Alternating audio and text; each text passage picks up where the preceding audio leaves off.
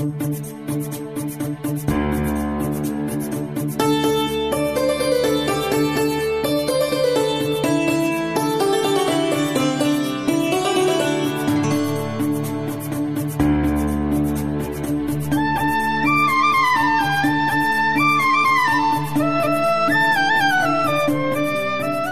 विपदमा लैंगिक समानता र सामाजिक समावेशीकरणका सवालमा सूचनाको पहुँचका लागि हामी सबैको प्रयास। कार्यक्रम साझा पहल। नमस्कार। रेडियो कार्यक्रम साझा पहलमा तपाईँलाई हार्दिक स्वागत छ। म सोभिता रिसाल। अनि म सजना तिमल कार्यक्रम साझा पहल महिला लैंगिक अल्पसंख्यक अपाङ्गता भएका व्यक्ति र सीमान्तकृत समुदायमा सूचनाको पहुँच पुर्याउने उद्देश्यले तयार पारिएको कार्यक्रम हो। अहिले कोविड उन्नाइस नियन्त्रणमा आएको जस्तो देखिएको छ तर यसले महिला तथा सीमान्तकृत वर्गमा आर्थिक सामाजिक तथा मानसिक रूपमा गहिरो प्रभाव छोडेर गएको छ। कार्यक्रममा हामी कोविड उन्नाइसको प्रभाव लैंगिक समानता र सामाजिक समावेशीकरण जेसीको बारेमा छलफल गर्नेछौ। लैंगिक समानता र सामाजिक समावेशीकरण दृष्टिकोण भन्नाले हामी यस कार्यक्रममा महिला सीमान्तकृत वर्ग बालबालिका ज्येष्ठ नागरिक अपाङ्गता भएका व्यक्ति एकल महिला लैंगिक अल्पसंख्यक विभिन्न प्रकारका हिंसाबाट प्रभावित भएका महिला तथा किशोरी दीर्घरोगी गर्भवती तथा सुत्केरीका सवालहरूलाई प्राथमिकता दिनेछौं। सँगै लैंगिक हिंसा तथा जातीय विभेद मानव बेचबिखनबाट प्रभावित भएका व्यक्तिहरू सामाजिक आर्थिक तथा नागरिक अधिकारबाट वञ्चित भएका व्यक्तिहरूको भोगाई उनीहरूका अपेक्षा पुनरुत्थानका लागि सरकारवालाले के गर्न सक्छन्? विज्ञ संघको परामर्श साथै सरकारका योजना लक्षित वर्गको पहुँच र कार्यान्वयनको अवस्थाबारे खोजी गर्नेछौ। साथै कोविड बारे फैलिएका अफवाहहरू भ्रम र गलत जानकारीलाई सम्बोधन गर्दै वास्तविक विज्ञ संघको सवाल जवाफ पनि प्रस्तुत गर्नेछौ र सबैको पहुँचमा आवश्यक सूचना पुर्याउने प्रयत्न गर्नेछौं। युएन ओमनको सहयोगमा ल्याक नेपाल र अकुराबको साझेदारीमा उत्पादन गरिएको कार्यक्रम साझा पहल सीआईएन मार्फत सामुदायिक रेडियोबाट देशैभरि सीआईएन खबर डट कम र मोबाइल एप सीआईएनमा पनि चाहेको बेला तपाईँ विश्वभरि नै सुन्न सक्नुहुन्छ। साथै सीआईएनको फेसबुक पेजमा गएर सांकेतिक भाषामा हेर्न पनि सक्नुहुनेछ।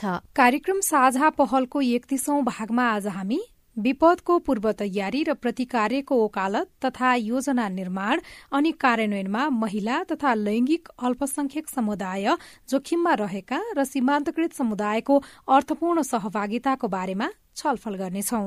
छलफलका लागि आज हामीसँग हुनुहुन्छ मकवानपुरको मनहरी गाउँपालिकाका अध्यक्ष रञ्जन कालाखेती सर्लाहीको लालबन्दी नगरपालिकाका उपप्रमुख कल्पना माया पाखरिन बाजुराको बुढीगंगा नगरपालिकाका उपप्रमुख माया खड्का कुंवर विपद विज्ञ एवं सिन्धुपाल्चोकका प्रमुख जिल्ला अधिकारी वेदनिधि खनाल।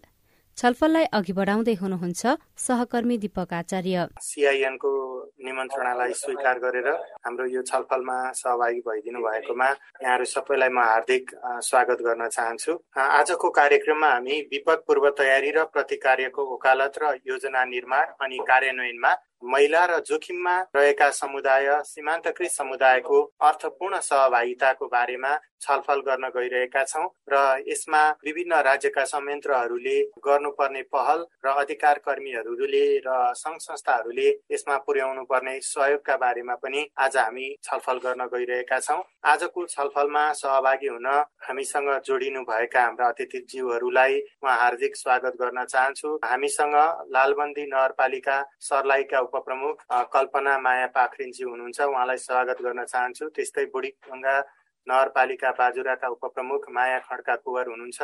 उहाँलाई स्वागत गर्न चाहन्छु।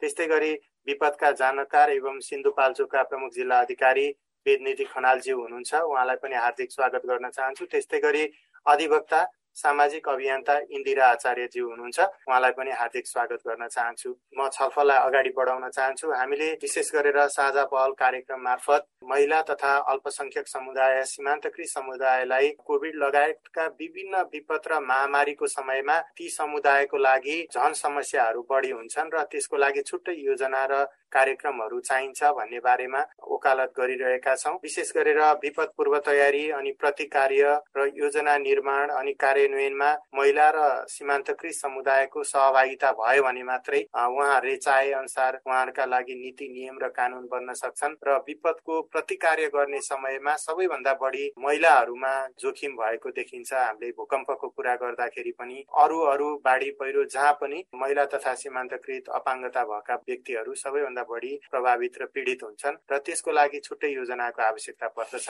र त्यसमा के कस्ता कामहरू भइरहेका छन् भन्ने बारेमा हामी कुराकानी गर्छौँ। यसै विषयका विज्ञ र अब प्रशासनको पनि जिम्मेवारी लिनुभएको र धेरै जसो विपदहरूमा काम गरिरहनु भएको हुनाले मैले सुरुवात कार्यक्रमको सुरुवातमा चाहिँ हाम्रो सिन्धुपाल्चोकका प्रमुख जिल्ला अधिकारी विपद विज्ञ वेदनिधि खनाल सरबाट सुरु गर्छु।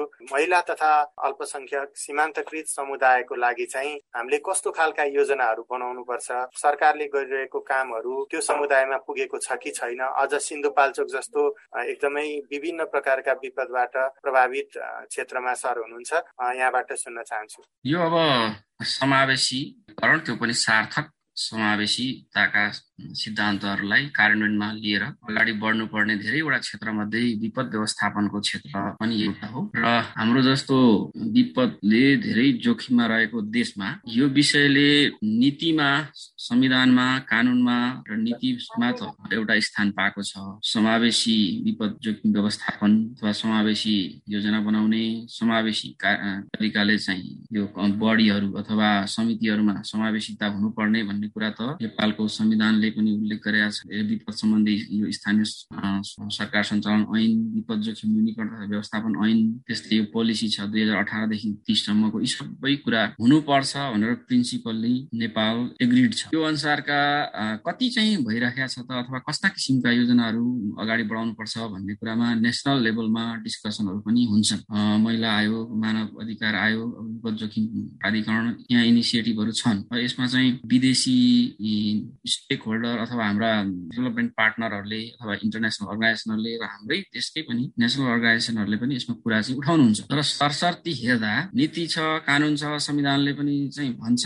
कार्यान्वयनको तहमा जब हामी आउँछौँ र जब चाहिँ हेर्न खोज्छौँ त्यतिखेर चाहिँ यहाँ ग्याप देखिन्छ। यो नेसनल लेभलबाट तल झरो भने पनि एक दुई थोप्पा छिटाका रूपमा कता कता केही स्थानीय तहमा केही प्रदेशमासम्म यी विषयहरू उठाएका छन् तर समग्रतामा हेऱ्यो भने चाहिँ यो सार्थक कार्यान्वयन भन्ने पक्ष चाहिँ अलिकति गर्न धेरै बाँकी छ। योजना बनाउँदाखेरि नै विपद प्रभावित समुदायलाई जोखिममा रहेका समुदायलाई महिलाहरूलाई योजना निर्माण गर्दाखेरि नै उहाँहरूको आवश्यकतालाई उहाँहरूको बुझाइलाई सँगै लिएर जाउँ जानुपर्छ चाहिँ भनेको छ। तर योजनै योजनै एकदम कम बन्छन् स्थानीय तहमा योजनै कम बन्छन् बनेका पनि कपी पेस्ट हुने खालको अन्यत्रबाट यसो सारेर गर्ने खालका धेरै देखिन्छन्। केही केही स्थानीय तहहरूले चाहिँ मैले नेसनल लेभलबाट हेर्दाखेरि केही केही स्थानीय तहहरू जहाँ चाहिँ नजिङ डेभलपमेन्ट पार्टनर संस्थानहरू अथवा एनजिओहरूले काम गर्नु भएको छ त्यहाँ चाहिँ केही राम्रा भएका उदाहरणहरू पनि पाइन्छन् दिपक अहिले मैले हुन्छ धन्यवाद सर। त्यस्तै गरी अब म इन्दिरा आचार्यज्यूतर्फ लाग्छु। विशेष गरेर अब महिलाको सवालमा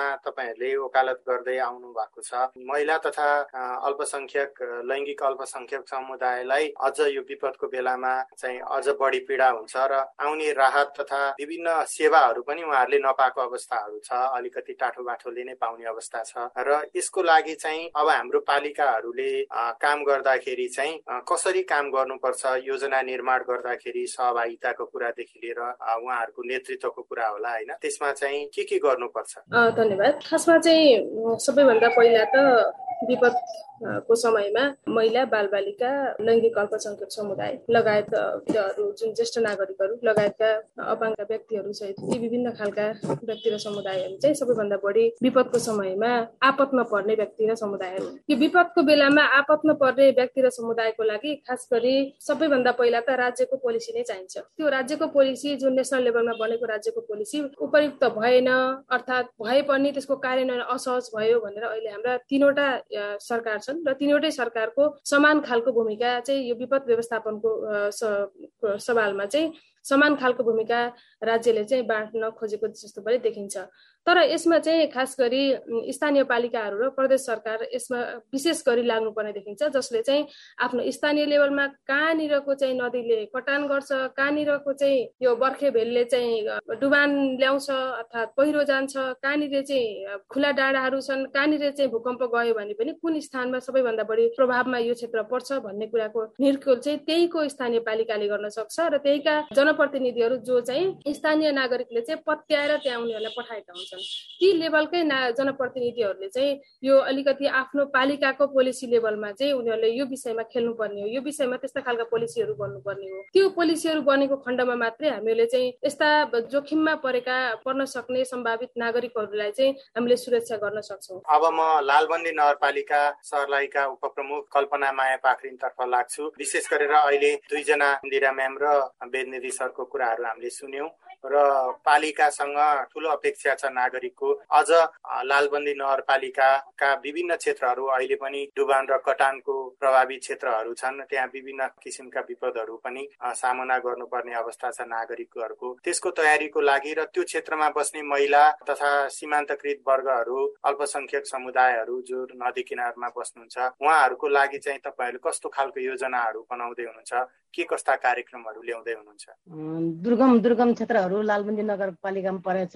बाढी पहिरोले खोलाहरू खोला नालाले लाग्ने ठाउँ छ यो लालबन्दी नगरपालिका त्यसका लागि विपदको लागि हामीले नगरले समूह गठन गरेको छ नगर समिति गठन गरिएको छ। र त्यसै बाढी पहिरोमा धेरै उता पाहा पाहामा पनि बस्ने व्यक्तिहरू हुन्छन्। र त्यसैले हामीले बोट बिरुवा लगाउने त्यो पाहा पाहामा बोट बिरुवा लगाउने तटबन्धन गरिदिने जालीहरू कहाँ कहाँबाट ल्याउनु पर्छ कसरी गर्नुपर्छ भनेर खोला नालालाई कसरी छेकथुन गर्नुपर्ने भन्ने कुराहरू चाहिँ हामीले व्यवस्था गरेका छौँ र त्यसैको लागि बेपत बेपत व्यवस्थापन समिति नगर समिति गठन गरेर सञ्चालन गरिरहेका छौँ। र हामीले त्यसरी जहाँ बाढी पहिरो जाने ठाउँमा खबर आउँछ त्यसमा हामी साथसाथ त्यहाँ पुगेर हामी प्रत्यक्ष नै त्यो ठाउँमा पुगेर त्यसलाई डोजर लगेर यसो गरेर अलिकति छेकथुन गर्नुसम्म सक्ने ठाउँहरू छ भने छेकथुन गराएर पनि हामीले अहिलेसम्म छेकथुन गराइरहेका छौँ। र अब त्यही व्यवस्थापन अब हामीले गरिरहेका छौँ अब गर्दै जान्छु पनि। र त्यसैले लालबन्दी नगरमा चाहिँ हेर्दाखेरि यो खोला नालाको बाढी पहिरोको जाने चाहिँ धेरै जोखिमहरू छ तर त्यसमा पनि हामीले पहल गरिरहेको अब महिलाहरूको छुट्टै खालको समस्या हुन्छ अब धेरै पीडाहरू यस्तो खालको बाढी पहिरो कटान आउँदाखेरि पनि अब पुरुषहरू त कता कता गइरहेको हुन्छ धेरै जसो घर परिवार सबै हेरेर महिलाले बसिरहेको हुन्छ। उहाँहरूको लागि चाहिँ अब छुट्टै किसिमको कार्यक्रमहरू ल्याउने उहाँहरूलाई सहयोग गर्ने भन्ने किसिमले चाहिँ अब तपाईँ एउटा उपमेयर भएको हिसाबले धेरै जसो महिलाका सवालहरू त्यहाँ पालिकामा उठाइरहनु पर्ने हुन्छ। तपाईँले चाहिँ कस्तो योजना बनाउनु भएको छ? के गर्नुहुन्छ? महिलाहरूको लागि मैले अगाडि बढेर योजनाहरू बनाएको छु। पिछडिएको दलित पिछडिएको महिलाहरूले कसरी अगाडि बढाउने भन्ने कुराहरूमा जुन पढिरहेछ पढिरहेको महिलाहरूलाई पनि योग्यता अनुसारले जागिर खोज्नुमा पनि उहाँहरूलाई सल्लाह दिएको छु। जुन नपढेको दलित महिलाहरू छन् सिप नजानेकोहरूलाई चाहिँ सिप सिकाउने र उहाँहरूलाई सिप सिकाउने कृषिमा कृषितर्फ बाख्रा भैँसी पालन बङ्गुर पालनमा लैजाने र उहाँहरूलाई यस्तो यो गुडिया सुडिया बनाउने सिप मुलुक कार्यक्रमहरू पनि चलाएर उहाँहरूको सिप मुलुकको व्यवसाय पनि गराइदिने भन्ने योजना राखेको छ योजना राखेका छौँ र अलिकता महिलालाई त्यही त हो नि महिलाहरू बाहिर खुल्ला भएर निस्किएको छैन। यो पहाड पहाड भित्रभित्र र यो तराईतिर अलिकता महिला पछाडि परेको छ त्यो शिक्षाको कारणले। अब कुनै शिक्षामा हुने महिलाहरूलाई चाहिँ शिक्षा उसको भरिपूर्ण हुनेहरूलाई चाहिँ लोकसेवामा लड्ने यस्तो यस्तो कामहरू पाउँछ। यसरी तपाईँहरूले लोकसेवामा दिँदै गर्ने कहाँ कहाँ पाउँछ त्यहाँ खोज्दै गर्ने भनेर उहाँहरूलाई सुझाव दिने। सामुदायिक वनतर्फ कब्लिटी वनतर्फ जडीबुटीको उसमा लाइनमा लगाएर जडीबुटीको सिप सिकाएर जडीबुटीलाई अहिले प्राथमिकता दिएर लालबन्दी नगरपालिकामा जडीबुटी सामुदायिक जडीबुटी सहकारी पनि छ। त्यसमा जडीबुटीहरू हामीले धेरै महिलाहरूलाई त्यहाँ आबद्ध गराएको छौँ। त्यो जडीबुटीबाट पनि उहाँहरूले लिएको छ र अझै त्यसैमा पनि अलि उत्थान गर्नुलाई उहाँहरूले सिप सिलाइ बुनाइ अगरबत्ती मैनबत्तीहरूको सिपहरू साबुन बनाउने इधर उधर सिप माग्छ। त्यस्तो पनि हामीले दिने भनेर योजना पनि गरिरहेका छौँ। अहिले यो नगरपालिकाबाट पनि दिने भन्ने योजना छ। हस् यहाँलाई धन्यवाद छ। यहाँसँग हामी फेरि पनि जोडिने दिनेछौँ हामीसँग बुढीगङ्गा नगरपालिका बाजुराका उपप्रमुख माया खड्का कुवर हुनुहुन्छ। उहाँलाई स्वागत गर्न चाहन्छु। हामीले लालबन्दी नगरपालिकाको कुरा सुन्यौँ। यो विपदको समयमा चाहिँ महिलाहरू र सीमान्तकृत समुदाय अझ बढी पीडामा पर्छन् र हाम्रो नदी किनारमा अलिकति अल्पसंख्यक सीमान्तकृत समुदायहरू बसोबास गरिरहेको हुन्छ। त्यसले गर्दा त्यस्तो जोखिममा झन् उहाँहरू बढी प्रभावित हुने अवस्था हुन्छ। र त्यसको लागि उहाँहरूको लागि चाहिँ पालिकाले छुट्टै खालको योजनाहरू के के बनाइरहेको छ। उपप्रमुखज्यूले यसको लागि चाहिँ कस्तो पहल कदमी गरिरहनु भएको छ? माया खड्का कुवरलाई म अनुरोध गर्दछु। हामीले के अरे बुढिङ्गा नगरपालिकाको पिछडिएका महिला वर्गहरूका लागि हामीले सिपमूलक तालिम गर्ने भनेर योजना बनाएका छौँ। हामीले अब यो पिछडिएका महिलालाई सिलाइ बुनाइ तालिम कुखुरा पालन बाख्रा पालन भैँसी पालन र माछा पालन यस्तो कार्यक्रम गर्ने र महिलाहरूलाई अगाडि लैजाने र अहिले यो हाम्रो दुर्गम बस्ती हो। दुर्गम बस्तीमा महिलाहरू धेरै पछाडि पढेका छन्। ती पछाडि पढेका महिलाहरूलाई हामीले कसरी यो व्यावसायिक तरिका बनाउने भनेर हामीले योजना बनाएका छौँ र अहिले बाख्रा पालन भनेर हामीले दस लाख छुट्याएका छौँ। अनि त्यसै गरी हामीले सिलाइ बुनाइ कार्यक्रममा पनि महिलाहरू महिलाहरूको सिपमूलक तालिम भनेर हामीले बजेट विनियोजित गरेका छौँ। यसै गरिकन अब विपदमा पढेका महिलाहरूलाई हामीले राहतको व्यवस्था पनि गरेका छौँ। यो अहिले हामी व्यवसायमुखी बनाउनका लागि हामी एकदम लागि परेका छौँ बुढिङ्गा नगरपालिकाबाट। अब म वेदनिधि खनाल सर सिन्धुपाल्चोकका प्रमुख जिल्ला अधिकारी र विपद विज्ञ उहाँसँग लाग्न चाहन्छु। अब लामो समयदेखि महिलाको र सीमान्तकृत वर्गको चाहिँ सहभागिता हुनुपर्छ भन्ने कुराहरू उठि नै रहेको छ। तर स्थानीय तहमा जिल्ला तहमा चाहिँ विपद सम्बन्धी जुन समितिहरू छ समितिमा महिलाहरूको सहभागिताको अवस्था कस्तो छ? अनि नीति निर्माण तहमा चाहिँ उहाँहरूको भूमिका कस्तो भइरहेको छ? एउटा विज्ञको हिसाबले पनि प्रशासनको प्रमुखको हिसाबले पनि त्यो अवस्था कस्तो छ र के हुनुपर्छ भन्ने लाग्छ? जोखिममा परेका महिलाहरू कहाँ कहाँ हुनुहुन्छ? गर्भवती हुनुहुन्छ कहाँ हुनुहुन्छ? अपाङ्ग हुनुहुन्छ कहाँ हुनुहुन्छ अलिकति अरू किसिमका भलनरेबल समुदाय हुनुहुन्छ एकदमै ज्येष्ठ नागरिकहरू हुनुहुन्छ रोगी हुनुहुन्छ कहाँ हुनुहुन्छ खोलाको किनारमा हुनुहुन्छ कि पहिरोको छेउमा हुनुहुन्छ कि यस्तो तथ्याङ्क चाहिँ पालिकाले तयार गर्नुपर्छ। र त्यो तथ्याङ्क तयार गरिसकेपछि उहाँहरूलाई चाहिँ भरे भोलि बाढी आउला पहिरो आउला खोलो बढ्ला यस्ता कुराहरूको ज्ञान जानकारी चाहिँ बाँड्नुपर्छ। त्यो बाँडे सँगसँगै अब परिहाल्यो भने उहाँका के आवश्यकता हुन्छ त? उहाँलाई चाहिँ कसरी चाहिँ सुरक्षित ठाउँमा लाने? लाँदाखेरि चाहिँ कसले लाने त? नजिकैको को मान्छे हो? यस्तो खालको तयारीहरू चाहिँ गर्नुपर्छ। उहाँका छुट्टै किसिमको औषधिहरू चाहिएला त सेनिटरी प्याड चाहिएला यस्ता कुराहरू पनि त्यो बेला तयारी गरिराख्नुपर्छ। र गाउँपालिकाले अथवा नगरपालिकाले आफ्नो योजना बनाउँदाखेरि विपदको यो यो सबै खाले समुदायलाई प्रतिनिधित्व गरेर लैजाने खालको कार्यक्रम पनि सुनिश्चित गर्नुपर्छ र सुनिश्चित गरेर गएपछि अर्को कुरा के हुन्छ भने हामीले पूर्व सूचना भन्छौँ। हाम्रो योजना के थियो? कति उपलब्धि गऱ्यौँ? कहाँ ग्याप भयो भन्ने कुरा फेरि पत्ता लगाएर अनि यो सधैँ यो कन्टिन्यू लागिराख्नुपर्छ। बस्ती बस्तीबाट यो विपद संवेदनशील भएर जाने र अब अलिकति जोखिमका कुरा बुझाउनु पनि पर्छ। जस्तो नदीका किनारमा अहिले पनि घर बनाउनुहुन्छ खोलै खम्बै तल गाडेर बनाउनुहुन्छ यसो गर्यो भने यो घर बगाउँछ। अहिले तपाईँको पालामा नबगाउला तपाईँको छोराको पालामा बगाउन सक्छ छोरीको पालामा नाति नातिनाको पाला पनि बगाउन सक्छ। त्यसैले अहिले नै अलिक सुरक्षित ठाउँमा बसौँ खोलाको किनारमा नबसौँ। भू उपयोग भन्छ नि भू उपयोग नीति जुन छ भू उपयोग कार्ययोजना बनाउँदा पनि स्थानीय तहले यस्ता कुराहरू विचार गर्नुपर्छ। र यो विपद भन्ने कुरा चाहिँ एकदमै धेरै विषयहरू समेटिएको विषय हुन्छ। त्यसैले यो राहत दिने विषय पनि आयो भने भोलि चाहिँ पर्यो भने राहत दिँदाखेरि जस्तो सुत्केरी भएको परिवारलाई सुत्केरी भएको परिवारलाई दिने राहत र अर्को सामान्य परिवारलाई दिने राहत फरक हुनुपर्छ। ज्येष्ठ नागरिक भएको परिवारलाई दिने राहत र सामान्य परिवारलाई दिने राहत फरक हुनुपर्छ। यस्तो खालको राहतको प्याकेजहरू पनि छुट्टा छुट्टै बनाउनुपर्छ। योजना बनाउँदाखेरि सबै खाले योजनामा निर्माणको विकासको योजनामा निर्माणको योजनामा सहभागिताको योजनामा समूह गठन गर्ने योजनामा राहत दिने योजनामा पढ्न पठाउने योजना सबै योजनामा यो विपदका विषयहरू ल्याउनुपर्छ। यो चाहिँ समावेशी विपद व्यवस्थापनको अङ्क दिनुपर्छ र अङ्कका आधारमा पैसा दिने गरियो भने सजिलो हुन्छ। यो मूल प्रभावीकरण गरेर अगाडि जान सकिन्छ। नत्र जे गर्छौ गर छोडिदेऊ तिमीलाई यति पैसा हो भनौँ भने त्यहाँको शिक्षा त्यहाँको सभ्यता अनुसार नै त्यस त्यहाँ योजनाहरू बन्ने हुँदा यसमा चाहिँ सब अलिकति बृहत चाहिँ एक्सन प्लान बृहत चाहिँ लगानी गरेरै अगाडि जानुपर्छ। हाम्रो जस्तो देशमा यो अति आवश्यक विषय पनि हो। अघि नै हाम्रो दिपक आचार्यजीले भन्नुभयो र उहाँलाई नै प्राथमिकता राखेर उहाँ जस्तो सुरुमै सुरक्षित ठाउँमा लानु पर्यो भने कसलाई लाने त? पहिला आफू कुदेर जाने कि अरूलाई पनि लाने भन्ने कुरा अथवा पूर्व सूचना प्रणाली पाइयो भने त सुरक्षित रूपले आफू जान सकिन्छ धन जोगाउन सकिन्छ जन जोगाउन सकिन्छ तर पूर्व सूचना कस त्यहाँ कान नसुन्नेलाई कसरी दिने आँखा नदेख्नेलाई कसरी दिने रेडियो नसुन्नेलाई कसरी पुर्याउने त्यहाँ चाहिँ स्थानीय व्यक्तिहरूको संयन्त्र कसरी बनाउने यसमा अलिकति लगानी गरेर हामी अगाडि गयौँ भने मात्रै सम्भव छ। अहिले चाहिँ अघि हाम्रो उप प्रमुखज्यूहरूले भन्नुभयो जस्तो अन्य अन्य योजनाहरूमा महिलाहरूका कुराहरू अरू आएका छन् तर विपद थानशील बनाउनलाई जस्तो महिलाहरू भएको घरलाई इन्सुरेन्स गरिदिने र यो क्रमशः तपाईँ हाम्रै यस्तै प्रयासहरूबाट चाहिँ अगाडि बढ्नुपर्ने चाहिँ हुन्छ दिपकजी। धन्यवाद छ।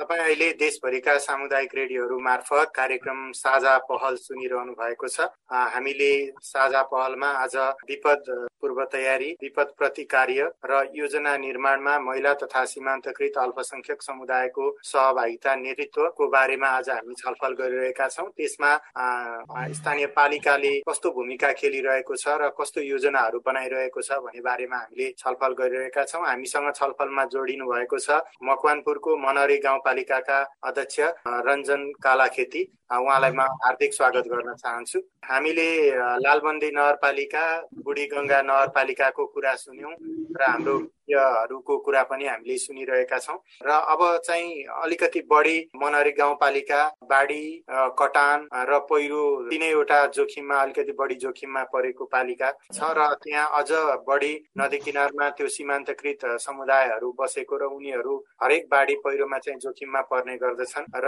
यसमा चाहिँ पालिकाले कस्तो खालको कामहरू गरिरहेको छ योजनाहरू कस्तो निर्माण गरिरहेको छ त्यसको बारेमा हाम्रो श्रोताहरूलाई जानकारी गराइदिनुहोस्। दिपक सर यो विपद विशेष गरी मनरी गाउँपालिकामा बाढीको जोखिम भनेको यो बर्खायाममा विशेष गरी खोलाको छेउछाउमा बस्ने बासिन्दाहरू जो चाहिँ अलिकति यो मनरी गाउँपालिकामा खोला छेउछाउमा जग्गा अधिक्रमण गरेर बस्ने ती व्यक्तिहरू बढी जोखिममा परिरहेको छन्। तिनीहरूको लागि निर्वाचित भए पश्चातै हामीले जोखिम सम्बन्धी यो विपद व्यवस्थापन सम्बन्धी विभिन्न सुरक्षा निकाय जिल्ला प्रशासन कार्यालयबाट समेतको सहभागितामा एउटा चाहिँ एउटा कार्यक्रम पनि विपद व्यवस्थापन कार्यक्रम पनि गऱ्यौँ बर्खायाममा उहाँहरूलाई पूर्व सूचना गर्ने उहाँहरूलाई भोलि चाहिँ केही पर्दाखेर त्यहाँ त्यो क्षेत्रभित्र बस्ने बासिन्दाहरू विशेष गरी सुत्केरी महिलाहरू विशेष गरी अपाङ्गता र वृद्ध महिला तथा पुरुषहरूलाई नै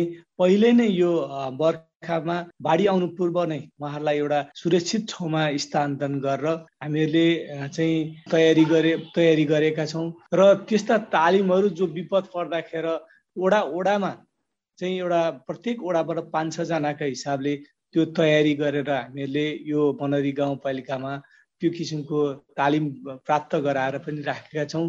र त्यस कारण अब आउने दिनहरूमा पनि कुनै विपद भन्ने बित्तिकै त्यो पूर्व जानकारी नभइकन एक किसिमको त्यो अवस्थालाई सामना गर्नको लागि हामीहरू बनरी गाउँपालिकाले सुरक्षा निकाय त्यसपछि आएर प्रहरी चाहिँ आर्मीहरूसँग समन्वय गरेर ती बासिन्दाहरूलाई सुरक्षित बसोबास गर्नको लागि हामीहरूले पूर्व तयारी गरिरहेका छौँ। अब यसै विषयमा वकालत गरिरहनु भएको अधिवक्ता सामाजिक अभियन्ता इन्दिरा आचार्यतर्फ लाग्न चाहन्छु। कार्यान्वयनको पाटो चाहिँ तपाईँले कस्तो पाउनु भएको छ? कार्यान्वयनमा लगेर त्यो अनुसारको चाहिँ त्यो समुदायलाई महिला तथा अल्पसंख्यक समुदाय सीमान्तकृत समुदायलाई चाहिँ यो विपदमा एकदमै सुरक्षित तवरले बस्न सक्ने अवस्था बनाउन चाहिँ के गर्नु पर्ला जे जे चाहिनु पर्ने कानुनहरू छन् जुन विपद विपद व्यवस्थापन गर्नुपर्ने लैङ्गिक हिंसालाई चाहिँ न्यूनीकरण अर्थात् लैङ्गिक हिंसालाई चाहिँ अन्त्य गर्नुपर्ने लगायतका जति पनि बन्नुपर्ने मुख्य कामहरू छन् जुन चाहिँ समाधान गर्नुपर्ने नै तत्कालै समाधान गर्नुपर्ने अर्थात् दीर्घकालीन रूपमा समाधान गर्नको लागि चाहिँ विभिन्न खालका बहुवर्षीय लगायतका योजनाहरू बनाएर गर्नुपर्ने कामहरू बाँकी नै देखिन्छन्। र कार्यान्वयन गरेको अवस्था चाहिँ हामीले प्र्याक्टिसली नै पनि देख्न सक्दैनौँ। भने यो अवस्थामा चाहिँ ती पालिकाहरूले चाहिँ त्यस्ता पीडितहरूसँग चाहिँ कसरी समन्वय गर्ने त्यस्ता पीडितहरूलाई चाहिँ कसरी उद्धार गर्ने कसरी राहत दिने कसरी उनीहरूलाई व्यवस्थापन गर्ने भन्ने कुरा नै एउटा चुनौती एकदमै धेरै चुनौती र अर्को चाहिँ विपद प्रतिरोधी आवास गृहहरू पनि बनाउन सकिन्छ। कुनै पनि अब कतै ठाउँ विपद आयो कुनै ठाउँबाट चाहिँ पहिरो भयो भने त्यहाँको गाउँलाई उठाएर चाहिँ एउटा विद्यालयमा लगेर जहाँ विपदको कारणले गर्दा प्रभाव नपरेको विद्यालयमा लगेर त्यहाँका स्थानीय नागरिकहरू राख्छौँ। अब त्यो विद्यालय त बन्द गर्नु बन्द गर्नु पर्यो। त्यहाँको बच्चाहरूले पढ्न पाएन नि त। बाल बालिकाहरूको लागि त्यस्तै बनेको बजेट काट्यो। त्यही बजेट कटौती गरेर चाहिँ मन्त्रालय थप गरियो। अब हेर्ने हो भने त सबैभन्दा पहिला सबभन्दा बढी जोखिममा पर्ने तिनै नागरिक हुन्। अब तिनै नागरिकको लागि लागि भनेर बनेको कम्तीमा पनि बनेको त्यो बजेट समेत पनि कार्यान्वयन हुन नहुन नसक्ने गरेर चाहिँ कटौती गरेर मन्त्रालयहरू थप गरियो। कुनै पनि महिला बालबालिका अशक्त असहाय वर्गहरूलाई चाहिँ तत्काल उनीहरूको उनीहरूको चाहिँ उद्धार राहत पुनस्थापना गर्नको निम्ति सबैभन्दा पहिला कुनै पनि खालका समूह समितिहरू बन्छन् भने त्यहाँ जुन निर्णायक सहभागिताको कुरा अघि छिटो साहबले पनि उठाउनु भएको थियो निर्णायक सहभागिताको कुरा र अर्थपूर्ण सहभागिताको कुरा चाहिँ सबैभन्दा महत्त्वपूर्ण हुन्छ। अब त्यो समितिमा चाहिँ कुन चाहिँ क्षेत्र सबैभन्दा प्रभावित छ त भन्दा कुनै एरियाको यो यति नम्बर वडा। कुन चाहिँ वडा यो वडाको यो गाउँ। त्यो गाउँको चाहिँ मान्छेको सहभागिता गराउनु पर्यो किनभने त्यो गाउँको मान्छेको त एक्सिसै नभएको मान्छे नागरिक हो नि त ऊ त। एक्सिसै भएको नागरिक नभएको त राष्ट्रिय स्तरका योजनाहरूको विषय त उसलाई थाहा नै हुँदैन। उसले त खालि त्यहाँ आफूलाई कुन महिनामा सबैभन्दा बढी म पीडित हुन्छु? कुन महिनामा सबैभन्दा मेरो ठाउँमा बाढी आउँछ? कुन महिनामा त्यहाँ आग लागि हुन्छ? एउटा पालिकाले बनाएको योजनालाई अर्को पालिकाले ग्रहण गर्यो फेरि प्रतिस्पर्धा होइन। प्रतिस्पर्धा बुटोलले यस्तो बनायो म तिलोतमा त्योभन्दा फरक बनाउँछु भन्ने। बुटोलले बनाएको योजना तिलोतमाले युज गर्नुहुन्छ र यसमा नै पालिकाहरूले चाहिँ कानुन बनाएको मलाई कानुन बनाए र त्यसको कार्यान्वयनमै समस्या मात्रै हो कि भन्ने भन्दा पनि कानुन पनि प्रयुक्त रूपमा बनेका छैनन्। बनेका कानुनलाई कार्यान्वयन गर्नको निम्ति पनि फेरि त्यत्तिकै छुच्याइ छ अब यो समयमा हाम्रो कल्पना माया म्यामले भन्नुहुन्छ कि अब कार्यान्वयन पक्षमा चाहिँ हामी कसरी जोड दिने तपाईँले के गर्नुहुन्छ कार्यान्वयन पक्षमा अब एकजु म पूर्व तयारी भएर कार्यक्रमलाई चाहिँ अगाडि बढाउँछु भन्ने मेरो योजना छ। महिलालाई छुट्याएको महिलाको लागि बनेको नीति महिलालाई नै कार्यान्वयन हुनुपर्छ। बाल बालिकालाई बनाएको बाल बालिकाकोमै पक्षमा हुनुपर्छ। अपाङ्गको पक्षमा बनाएको अपाङ्गको पक्षमा हुनुपर्छ भन्ने विचार मेरो छ। र त्यसरी अघि यहाँ एकजना हाम्रो सुडेसाले भन्नुभएको थियो बाल बालिकाको पनि रोडमै लगाउने पिचमा लगाइसके बाटोमा महिलाको पनि बाटोमा भनेर भन्नुभएको छ। त्यस्तो बाटोमा नजाओस्। हाम्रो महिलालाई छुट्याएको रकम महिलालाई जाओस् अपाङ्गलाई छुट्याएको अपाङ्गलाई जाओस्। विषयमा हामीले नीति बनाएर काम गर्न सकोस् र हामीले सबैजना एकजुट भएर काम गर्ने पालिकाले नै बनाउनु पर्छ पालिकाले नै जोड गर्नुपर्छ भनेर भन्नुभएको छ। तर पालिकाले नै नीति बनाउँदाखेरि सङ्घ संस्था राखेर मेयर उपमेयर सबै बसेर बनाएको म चाहिँ बलियो हुन्छ। हस् यहाँलाई धेरै धेरै धन्यवाद छ। अब अन्त्यमा हामी मनहरी गाउँपालिकाका अध्यक्ष रञ्जन कालाखेती तर्फ लागौँ। यहाँको प्रतिबद्धता के छ? कार्यान्वयनमा अलिकति हामी तलो छौँ भन्ने कुराहरू आइरहेको छ होइन? अब यो कुरामा चाहिँ अलिकति कार्यान्वयन पक्ष नीति पनि चाहिएका नीति नियमहरू बनाउने कुरामा चाहिँ तपाईँको कार्यकालमा के के गर्नुहुन्छ? बलियो के छ भने चेक ड्याम बनाएर त्यहाँका बासिन्दाहरूलाई सुरक्षित बसोबास गराउने र सँगसँगै पहिरो जुन विपदबाट चाहिँ त्यहाँका बासिन्दाहरू जोखिममा रहेका छन् ती पहिरो आउन सक्ने ठाउँका वरिपरि भएका बसोबास गरेका बासिन्दाहरूलाई सुरक्षित स्थान चाहिँ स्थानमा स्थानान्तरण गराउने र त्यो ड्याम पहिरोलाई रोक्नको लागि विभिन्न रुख बिरुवाहरू लगाउनेदेखि लिएर हामीहरूले चाहिँ त्यो नीति तथा कार्यक्रममा बजेट ल्याएर त्यहाँका बासिन्दाहरूलाई सुरक्षित बसोबास गराउने चाहिँ विपद आउँदाखेरि सुरक्षित स्थानमा स्थानान्तरण गराउनको लागि पहिला नै सुरक्षित स्थान तोकेर त्यो ठाउँमा पूर्व तयारी गरेर विपद व्यवस्थापनको लागि उहाँलाई विपद पर्दाखेरि त्यो ठाउँमा सिफ्ट गराएर त्यहाँका बासिन्दाहरूलाई त्यो स्थान र आवश्यक पर्ने केही चाहिँ सामग्रीहरू पहिला नै हामीले सुरक्षित गराएर त्यो सुरक्षित सुनिश्चित गराउनको लागि बजेट व्यवस्थापन गराएर त्यो खालको हामीहरूले एउटा त्यहाँका बासिन्दालाई भोलि आइपर्न सक्ने विपदबाट बचाउनको लागि त्यो खालको एउटा नीति तथा कार्यक्रमहरू ल्याउनु जरुरी छ। छलफलमा भने जस्तै कानूनले गरेको व्यवस्था र पालिकाहरूले गरेको प्रतिबद्धता अनुसारको काम हुनको लागि कार्यान्वयन पक्षमा जोड़ दिनुपर्ने देखिन्छ। आजको कार्यक्रममा हामीले विपद पूर्व तयारी र प्रतिकार्यको ओकालत र योजना निर्माण अनि कार्यान्वयनमा महिला तथा सीमान्तकृत समुदायको अर्थपूर्ण सहभागिताको बारेमा छलफल गर्यौं संविधानमा उल्लेख गरे अनुसार राज्यका हरेक निकायमा महिला जोखिममा रहेका र सीमान्तकृत समुदायको सहभागिता भयो भने विपद पूर्व तयारी र प्रतिकार्यको कार्य पनि प्रभावकारी हुन सक्दछ। अब राज्यका सबै अंग तथा संयन्त्रहरूले यस कार्यलाई प्राथमिकता दिनुपर्दछ। तपाई यति बेला रेडियो कार्यक्रम साझा पहल सामुदायिक सूचना नेटवर्क सीआईएन मार्फत देशभरिका विभिन्न सामुदायिक रेडियो र मोबाइल एप सीआईएन तथा सीआईएन खबर डट कम मार्फत पनि सुनिरहनु भएको छ। तपाईलाई पनि विपदका बेला आफूले भोगेका समस्याहरू सुनाउन मन छ या सरकारसँग आफ्नो अपेक्षा प्रश्न गुनासो वा जिज्ञासाहरू छन्? छन् भने हाम्रो फोन नम्बर शून्य एक बान्न साठी छ चार छमा फोन गरेर आफ्नो कुरा राख्न सक्नुहुनेछ। यो सँगै कार्यक्रम साझा पहलको आजको अंकबाट भने विदा लिने समय भएको छ। तपाईलाई तपाईँको पालिका वा सरोकारवालासँग केही सोध्न भन्न जान्न बुझ्न अथवा समस्या सुनाउन मन छ भने हामीलाई सम्पर्क गर्न सक्नुहुनेछ। केही प्रश्न प्रतिक्रिया र टिप्पणी छन् भने हाम्रो टेलिफोन नम्बर शून्य एक बान्न साठी छ चार छमा फोन गरेर दिइएको निर्देशन अनुसार रेकर्ड गराउन सक्नुहुनेछ। आजका लागि प्राविधिक साथी सुभाष पन्तलाई धन्यवाद। साथै कार्यक्रमलाई सांकेतिक भाषामा अनुवाद गर्ने साथी उमा पौडेललाई पनि धन्यवाद दिँदै अहिलेको रेडियो कार्यक्रम साझा पहलबाट म सजना तिमल सिन्हा। अनि म सोभिता रिसाल पनि विदा हुन्छौ। नमस्कार।